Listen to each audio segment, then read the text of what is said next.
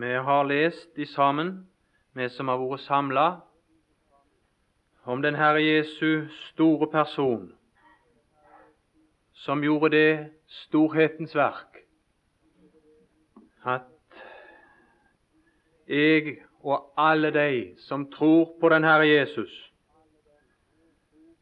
kan rose oss av håp om Guds herlighet. Tenk det. Et annet sted i Guds ord så står det 'ros deg ikke av den dag i morgen', for det er alt usikkert med den framtid, sjøl den nærmeste framtid. Men det er noe som er sikkert, og det er det at jeg skal til den stad og til den herlighet som det blei sunget om, fordi min sjel er rensa i kraft av det storhetens verk så denne vidunderlige, store person gjorde når han døde der på Golgata kors. Kristi verk i hans død, tror jeg vi kan si, det er den akse, det sentrum som alle sannheter i Guds ord dreier seg om. Bibelen den framstiller den Herre Jesus sjøl fra mange synsvinkler. Og det samme er tilfellet òg med hans død. Og et hvert av disse ord og uttrykk som er benytta i Guds ord, de tror jeg vi kan si det er velvalgte ord. Det er velvalgte uttrykk, hver enkelt ett, fordi det er ikke, det er ikke mennesker som står bak. Det er Guds ord.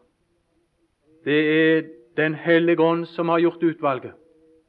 Når apostlene talte, så står det om Paulus spesielt når han talte ord om korset, at han talte ord ikke som menneskelig visdomlærer, men som Ånden lærer. Tale ord som Ånden lærer. Så det er ikke smak, det er ikke vurdering fra mennesker som vil ha variasjon når det kommer slike Guds ord.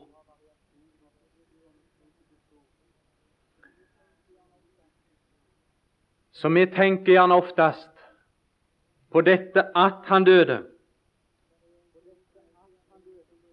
Men det er en ting som jeg ville vi skulle lese om i kveld. Og Det vil jeg vi skulle lese først og fremst fra Johannes det tolvte kapittel, der den Herre Jesus taler om sin død. Fordi ethvert av disse uttrykk i Bibelen er velvalgte, så kall ethvert av disse uttrykk på vår oppmerksomhet og interesse, at vi skulle lese de, for de taler om Han som er skylder vårt alt til, om Hans verk, og Han, Han som i kjærlighet døde. Der står der i Johannes det tolvte kapittel, og vi kan lese fra det 32. vers Nå holdes dom over denne verden, står det i det 31. vers. Og så kommer det i det 32. Og når jeg blir opphøyet fra jorden, skal jeg drage alle til meg. Dette sa han, ikke for å gi til kjenne at han skulle dø. Og vi, vi tenker kanskje mest bare på den ene ting at han har dødd, og det er en sannhet. Og Somme tider så framstiller Guds ord på den måten. Han ble gitt for våre overtredelser, står det en plass.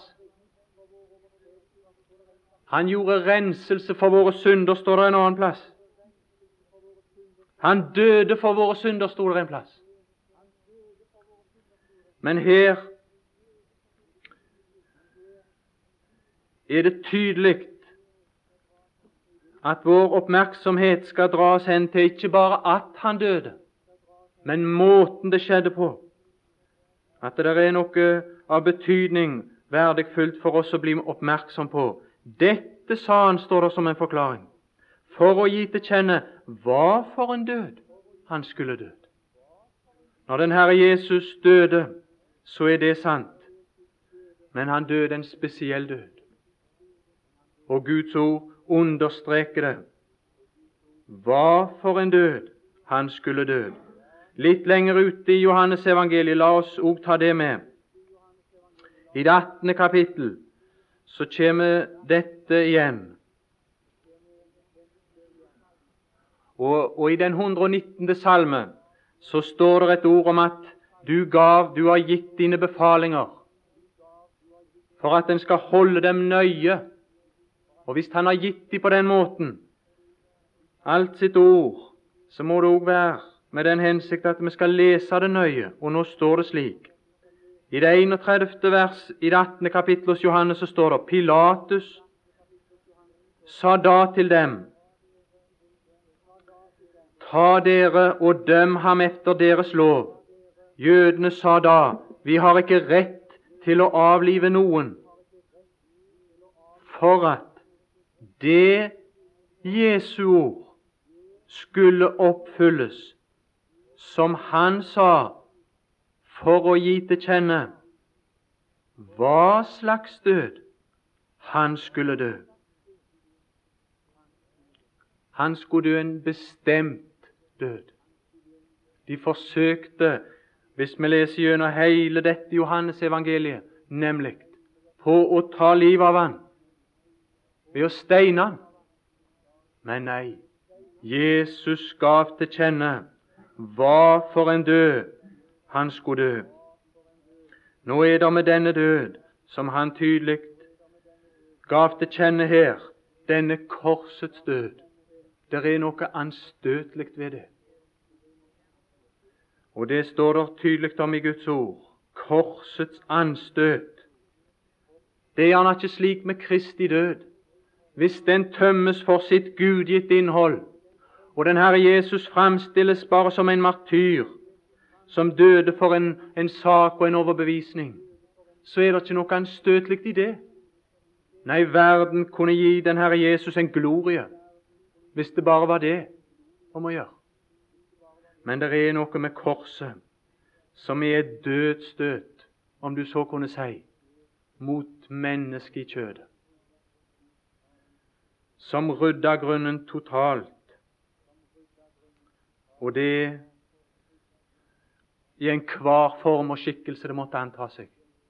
Det er noe spesielt med korset. Det er anstøtelig for religiøse mennesker det er en dårskap for de som setter sin lit til sin forstand i guddommelige spørsmål. Men la oss bare lese litt. Det har jeg lyst til vi skulle gjøre. For å se og for å vise at korset ikke var et sammentreff bare, i det hele tatt et sammentreff av tilfeldige historiske begivenheter. Vi kan lese i, i apostelgjerningene det fjerde kapittel først. Der står det noe som viser klart at Kristi død hadde vært i Guds tanke som en slik død ifra den, den evighet som vi kjenner lite til. Der står det i det 26. vers i apostelgjerningene 4. Jordens konger steg frem og høvdingene samlet seg sammen mot Herren og mot Hans salvede. Ja, i sannhet, i denne by samlet de seg mot din hellige tjener Jesus, som du salvet. Både Herodes og Pontius Pilatus med hedningen og Israels folk, for å gjøre Hva var det de gjorde? Hvis vi slår til kapittel 2, så ser vi hva de gjorde. I det 23. verset står det Ham slo dere i hjel idet dere naglet ham til korset. Og så står det her i det fjerde kapittel for å gjøre det. Og det de gjorde, det var å nagle ham til korset. Og da står det hva de gjorde for å gjøre det som din hånd og ditt råd forut hadde besluttet skulle skje. Hvor vidunderlig det er for oss som tror på den Herre Jesus, å tro på en når det gjerne er vanskelig å tro at Guds veldige sønn kunne dø på et kors, så er det godt å tenke på at dette var del av Guds evige råd. Det var et beslutta råd. Det var ingen dissens i det råd. Det var ingen som opponerte imot den ting i Guds råd. Det var bes, et beslutta råd om å gjøre og gjøre det, dette spesielle, at Guds sønn skulle dø korsets død. Sønnen var villig. Faderen var villig. Den hellige ånd var villig. Det var et beslutta råd. Det var et fritt råd. Det gjorde sånn som det var vel behagelig for dem å gjøre. Det var ikke bare tilfeldige omstendigheter som sammentraff på en uforklarlig måte. De gjorde det, det som var Guds beslutta råd. Men når det gjelder Guds råd, så er det noe som står i profeten Amos, at det sitt råd, det, det gjør han kjent for sine tjenere. I profeten Amos det tredje kapittel og det sjuende verset står det For Herren Israels Gud gjør ikke noe uten at Han har åpenbaret sitt lønnlige råd for sine tjenere profetene. Så ikke bare var den Herre Jesus når han døde på et kors, utførelsen av det som var i Guds beslutta råd, men det var gjort kjent gjennom profetene. Bare la oss lese et par vers i apostelgjerningene det 13. kapittel. Og i det 27. vers leser jeg apostelgjerningene 13, det 27. vers. Det var gjort kjent, og det var skrevet ned. Det var i Skriften. Det står her, apostelgjerningene 13, 27, for de som bor i Jerusalem, og deres rådsherrer kjente ham ikke, og ved å dømme ham oppfylte de profetenes ord som blir lest hver sabbat. Og enda de ikke fant noen dødskyld hos ham, ba de Pilatus at han måtte bli slått i hjel. Og da de hadde fullbyrdet alt som er skrevet om ham, hva så? Tok de ham ned av treet. Tok de ham ned av treet. Det profetene hadde talt om, som var oppfylt i han, det var oppfylt når han ble tatt ned av treet. Da var alt oppfylt. I, gjennom profetenes vitnesbyrd så hadde den Herre Jesu død som en korsets død blitt gjort kjent, talt om. Og Jeg skal bare lese noen få slike steder. I Salme 22, i det 17. verset, står det på denne måten, bare som noe vi kunne lese. Salme 22 og det 17. vers.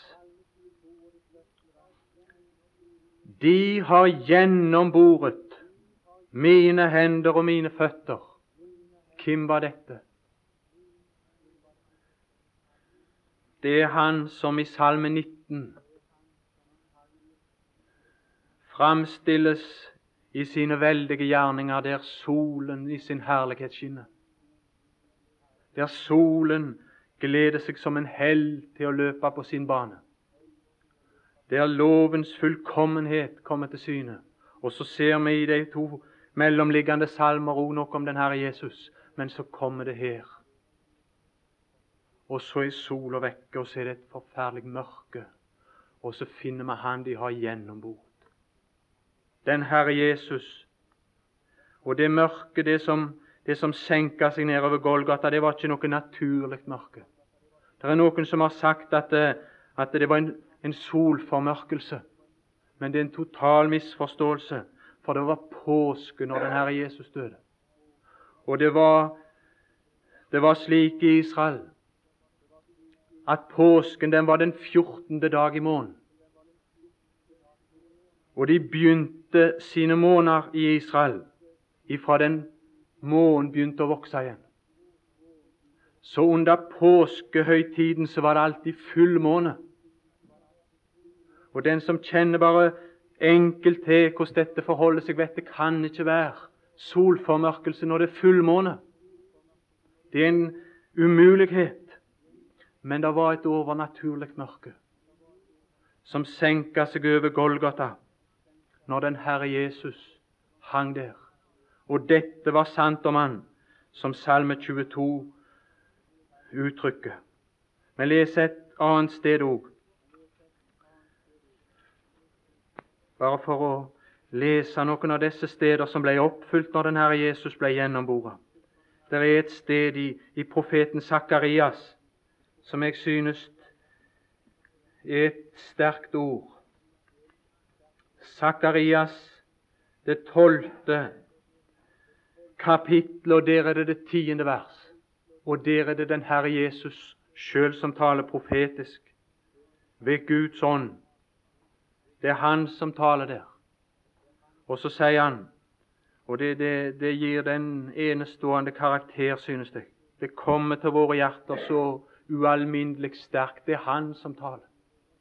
Det hadde vært ve veldig godt for oss om det var noen andre som hadde sagt det samme om Han.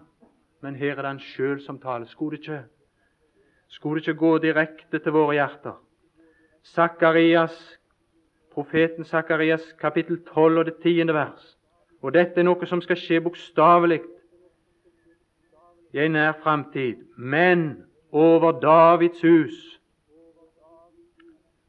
over Jerusalems innbyggere, vil jeg utgyte, vil jeg, jeg Og hvis du vil lese gjennom kapittel 12 hos profeten Sakarias, så skal du finne han omtalt i det første verset òg, og der omtales han i en annen karakter.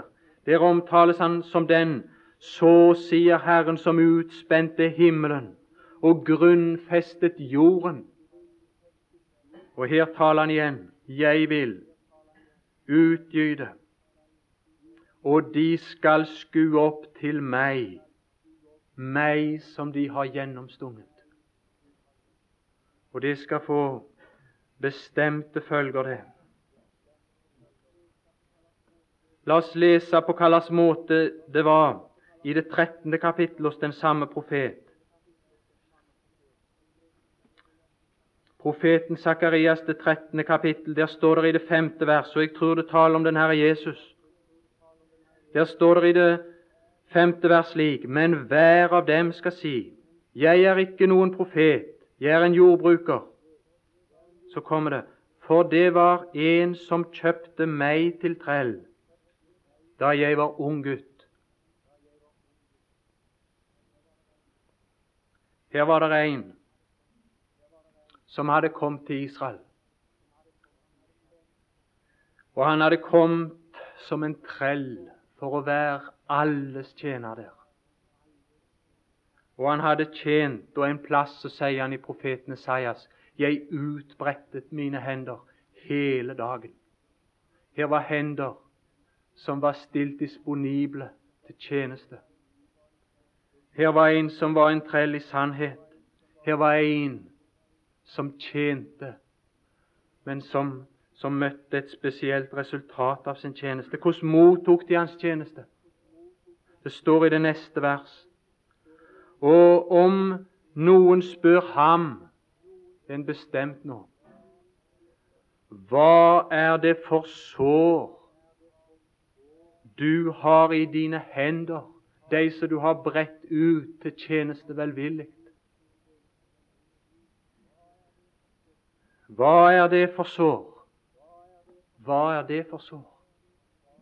det var resultatet av den tjeneste som den Herre Jesus utførte deriblant jødefolket.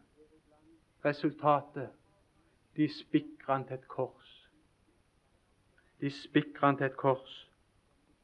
Og deres kommer svaret her. Det står gjerne litt, litt merkelig her i den norske oversettelse, men, men det står videre slik Det er sår. Her er svaret hans. Jeg har fått i mine elskeres hus. Og det er ikke avgudene sånn som det står her, kanskje, men det er i sine venners hus. Han betrakta de sånt når han kom. Så ble han behandla på den måten. Så fikk han det som resultat for sin tjeneste. Sår.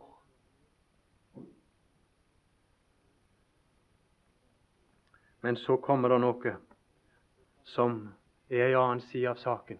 Han ble forkasta når han kom og tjente velvillig i frihet. Kan du tenke deg for et hjerte som bor i oss?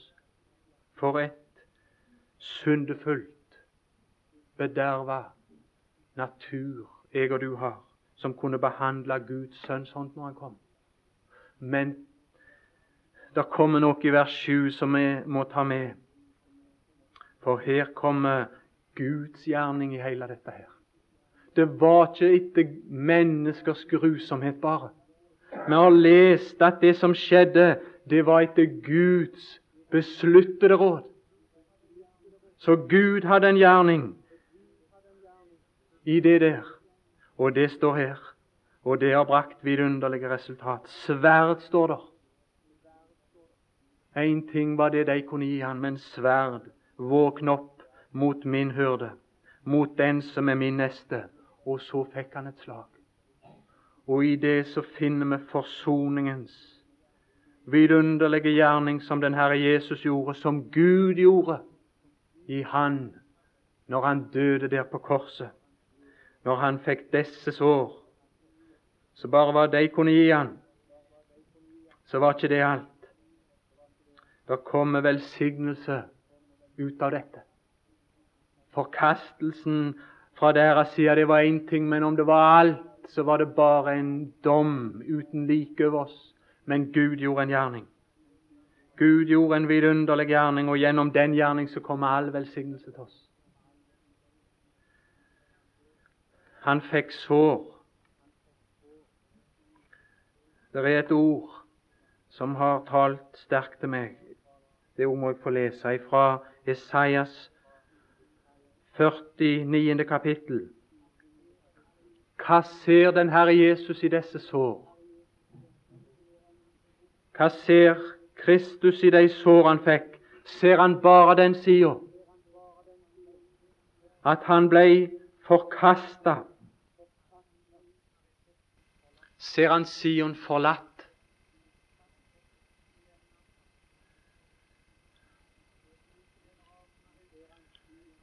Ser han Sion i ruin. Det som var min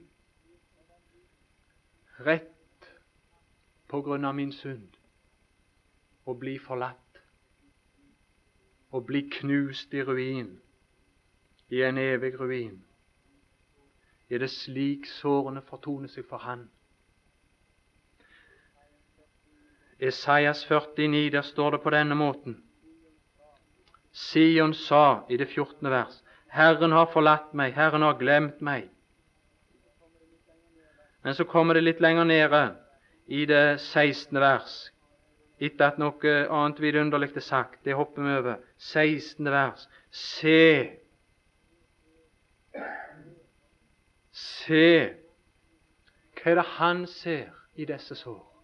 Ser han bare den sida som taler om en forkastelse, om en grusomhet uten like? Se, i begge mine hender har jeg sår. Ja, Det kunne vi gjerne tenke oss, og det kunne vi forstå kanskje at han kunne ville ha sagt. Men det er noe som er skjedd ved hans sår. I Esaias litt lenger ute her. For denne andre del av Esaias, profeten Esaias, den iallfall synes det sånn for meg at den er i tre deler. Og den andre av disse deler i den som begynner fra kapittel 40 av, Den andre dels hjertet det det, det 53. kapittel. Og så etter det 53. kapittel, fra det 58. kapittel, så er det herligheten som skal komme som et resultat av det som Messias 53 taler. For i Isaias 53 så står det i vår oversettelse han er såret. Egentlig så står det han er gjennomboret. Han er såret ved at han er gjennomboret. Hvorfor? For våre overtredelser. Og han er såret for at vi skulle få legedom. Og så er slutten av Esaias opptatt og full av boka med en herlighet som skal komme som et resultat av dette. Flyte ut ifra denne mektige gjerning av at han ble såret. Og så rulles det opp for oss helt fram til den kommende evighet. Men hva er det han ser i sine sår? Hva er det han ser i sine hender? Hva er det han ser i sine hender som han vil du skal se? Ser han bare forkastelsen? Nei, han ser noe, og derfor så snakker han ikke om sår. Men det står 'Se, i begge mine hender har jeg tegnet deg'. Og jeg tror det betyr, hvis det skulle kanskje sies med andre ord, at han har et, et miniatyrbilde i sine hender av Sion. Se, i begge mine hender har jeg tegnet deg. Det er kommet noe ut av Golgata. Men dere er kommet til Sionsberg, til den nåde som flyter ut ifra Golgata. Den nåde som er et resultat av forsoningens verk. Den har flyttet ut, og alle de som har mottatt den, de skal utgjøre det kommende nye, herlige Jerusalem, det Sion som er der oppe. Alle de som nåden tilflyter, og den tilflyter alle de som tar imot den nåde som bringes til evangeliet. Men dere kommer til Sion. Ja, er vi forlatt, og skal vi gå i ruin? Nei, han har oss. Han har ikke bare sår, men for Han så ser han de fra den guddommelige og så ser han i sine hender tegna noe. Og det som er tegna der, det er Sion. Skjønnhetens krone. Så det sies i Salme 50 Å, han har fått det skjønneste ut av det mest grufulle. Han har utført en gjerning som har brakt et vidunderlig resultat fra Gud. Se, i begge mine hender har jeg tegnet deg. Sion i sin skjønnhet. Og det står, Når det står i Salme 50 om Sion, så står det at det Gud stråler fram ifra skjønnhetens krone. Vidunderlige sannhet som ikke jeg makter si så mye om, men det, det taler til meg. Disse sår, de ser vi noe annet i. Vi ser den guddommelige gjerning. Den som han fullbyrda etter sitt besluttede råd. Vi kunne lest i evangeliene der den Herre Jesus sjøl forutsa sin død. For de ville ikke ha han engang i Israel.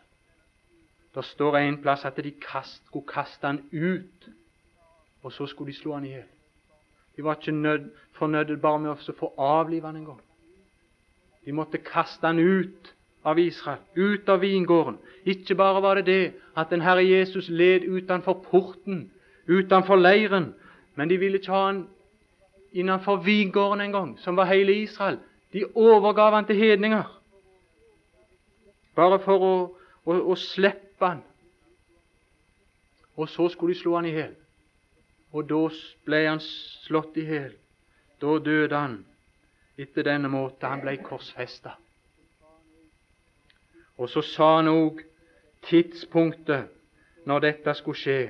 Men så, så skal jeg bare knytte noen få tanker til. Til dette at når vi finner den Herre Jesus i oppstandelsen, hvis vi leser i det 20. kapittel hos Johannes, så finner vi dette, som er så vel kjent for oss, men som jeg har lyst til å understreke for oss igjen. Når han kommer der oppstanden, så står det om han på denne måten. Johannes det 20. kapittel og det 20. vers.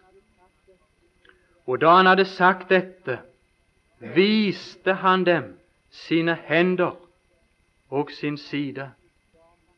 Den Herre Jesus bar merkene etter korsets død i sin oppstandelse. Og vi har lest ifra profeten Sakarias det tolvte kapittel at han skal bære dem når han kommer igjen og viser seg. Så han skal bære dem, han bærer dem nå. Han skal bære dem i all evighet. Det står noe vidunderlig som kan gi oss grunn til fryd i første Johannes brev. Han som har skrevet dette, han sier at når vi ser Han, så skal vi bli ham like. Vi skal bli ham lik. Og han skal forvandle vårt fornedrelseslegeme. Når denne person, han som kom og gikk til Golgata for oss, når han snart kommer igjen Og det kan skje, skje snart, at han kan vise seg for oss, så skal han bære merkene. Og da skal vi bli han like. Vi skal bli han like. Han skal forvandle vårt fornedrelseslegeme så det skal bli likt med Hans herlighetslegeme. Men det skal være én ting som skal gi en forskjell. Én ting som skal gi en forskjell, og det er at det er bare én i den himmelske verden i alle fall som skal bære merker etter synden. Og det er han som skal bære disse merker på at han har tatt dem bort.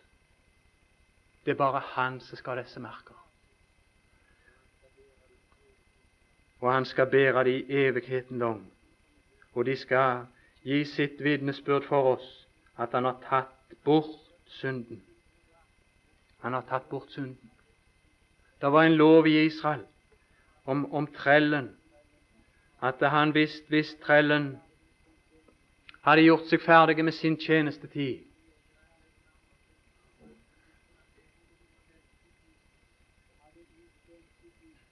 og hadde uttjent sin tid, så kunne han få gå fritt ut.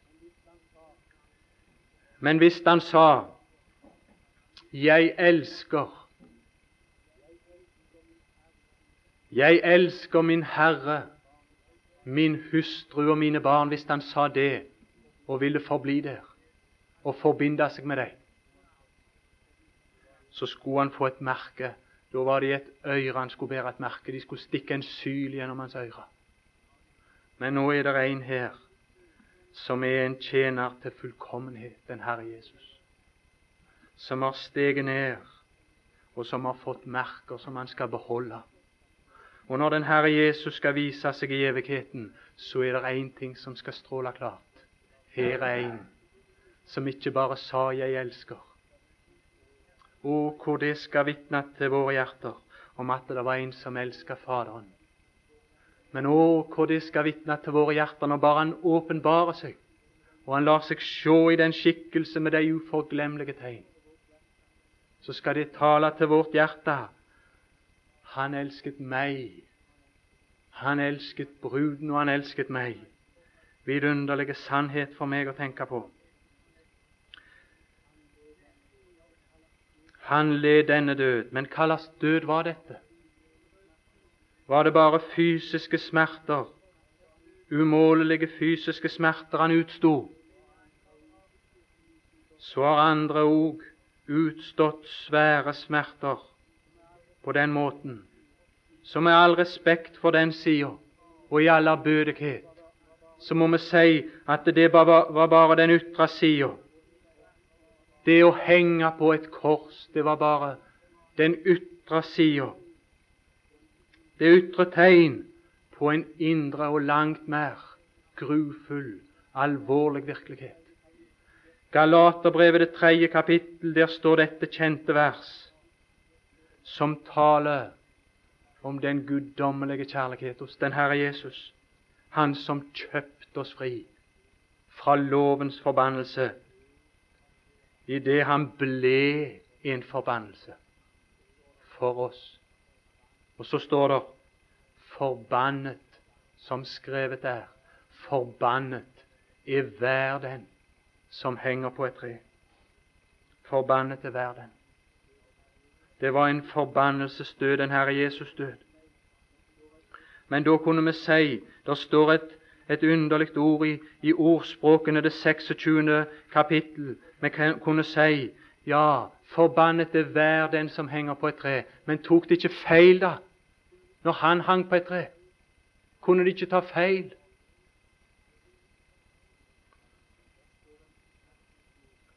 Der står et merkelig ord.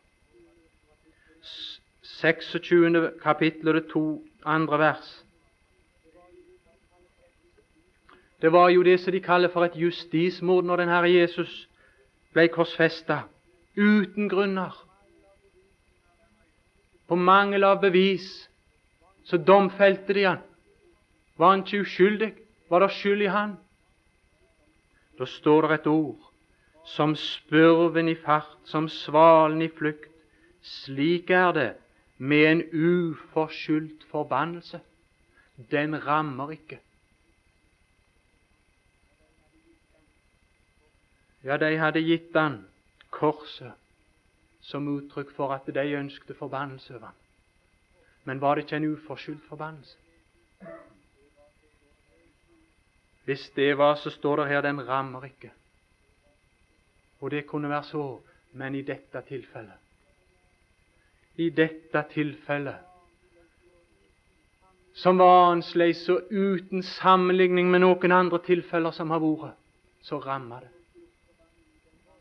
En uforskyldt forbannelse, den rammer ikke, men det rammer den Herre Jesus.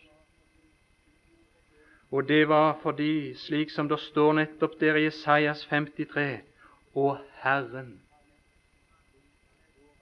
han lot våre alles misgjerninger ramme ham.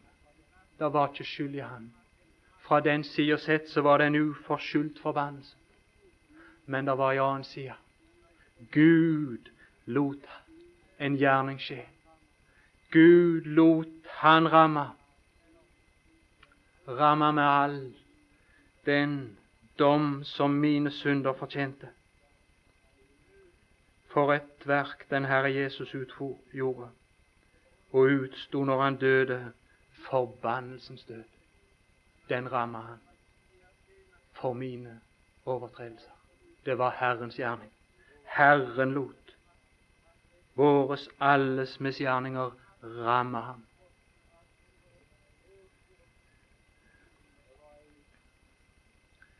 Det var en som ville føre forbannelse over Herrens folk. Det var en, og det, det skal jeg bare minne oss om til slutt, som et vidunderlig sannhet for oss. Fjerde Mosebok, den viser oss Israels folk vandring gjennom ørkenen. Og ifra det tiende kapittel, når de begynte, så er det en sørgelig historie. For det er så mye gjenstridighet, så mye motstand imot Herren hele veien. Men så kommer vi til det 22. kapittel, og der er det plutselig en litt merkelig vending på det hele. Der blir vi liksom ført bak kulissene for å bli oppmerksom på å bli kjent med fiendens anslag imot Herrens folk. For der står det om en som leide en, Biliam, til å føre forbannelse over Herrens folk.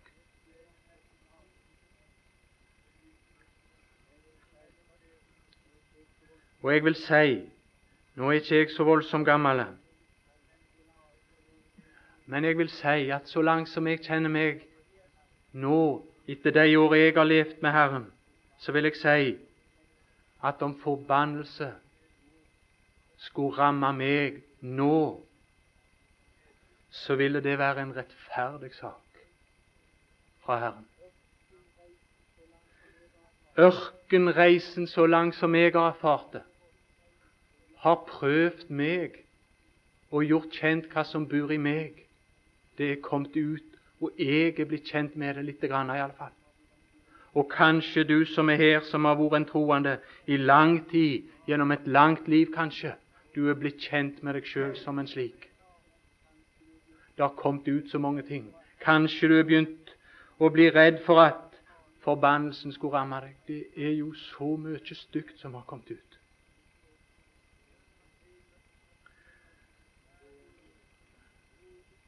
Men da er det vidunderlig å se hvordan dette fiendens anslag imot hans folk blir, blir gjort kjent for oss. Se og velsigne ble meg gitt. Han har velsignet. Ja vel, men, men ørkenens mange prøvelser har brakt for dagen noe som er av den karakter at det burde rammes med fordømmelse, med forbannelse, med en hellig Guds frede. Hva da? Han har velsignet, og jeg kan ikke omstøtte det. Og jeg kan ikke omstøtte det. Hvordan ligger det an? Ei skuer han urett i Jakob. Én ting var når du kanskje var nyfrelst, og du ikke kjente kanskje til så mye av det som bor i deg, i din synd forderva natur. Men nå når ørkenreisen var slutt Det var nemlig på slutten av ørkenreisen, når alt var kommet for dagen. Å, hvor vidunderlig det er for meg. Han har velsignet og jeg kan ikke omstøte det. Ei skuer han urett i Jakob. I Guds øyne, i kraft av Kristi fullbrakte verk, så skuer han ikke urett her. Han skuer ikke urett. Ei skuer han urett. Og om dette kunne stå for oss, leve i vår erkjennelse mens vi vandrer gjennom verden. Skulle dette være noe som var fremmed og ukjent for noen som var her, måtte du fly til denne personen. Vi er ikke kommet til troen på tilfeldigheter. Vi inviterer deg ikke og forkynner ikke noe som er et sammendikta eventyr. Men det er en åpenbart guddommelig sannhet som du kan motta. Når jeg blir opphøyet, skal jeg drage alle til meg. Drar det ikke på ditt hjerte? Jeg tror ikke det går an at det ikke kan virke slik på oss som er frelst, i alle fall. Vi dras til Han, vi som er blitt dratt til Han. Vi dras til Han i takknemlighet og litt gjenkjærlighet vekkes opp i vårt hjerte. Men skulle du være her som har vært kold, som har stengt deg ute fra all den velsignelse som Golgata kors har åpna opp for, som et vell av guddommelig velsignelse for, så kan du motta det ikke ved å ta deg sammen, ikke ved å gjøre et eller annet. Ved meg, jeg er fortapt, uansett hva du gjør og ikke gjør men du kan bli frelst. Du kan unnfly forbannelsen og bli under Hans velsignelse for evig tid. Om du bare tar imot ordet. Bare du tror ordet som rekkes deg i evangeliet. Ikke lukker deg ute for det, så er det ditt. Skal vi be. Herre Jesus, jeg og så mange av oss som er samla her, som kjenner deg som den som har vært på Golgata for oss. Der gjerningen skjedde, Herre Jesus, og det gikk utover deg. Vi skal ikke komme i befatning med den gang, vi som er dine. Vi er fullkomment frelst fra alt som har med forbannelse å gjøre. Eneste du har for oss, det er velsignelse, og det har du nok av. Så uttømte du din forbannelse over din sønn. Og vi må tilbe og takke for at vi kan kjenne dette og vite det, så vi ser en åpen himmel og en herlighet som hilser oss velkommen.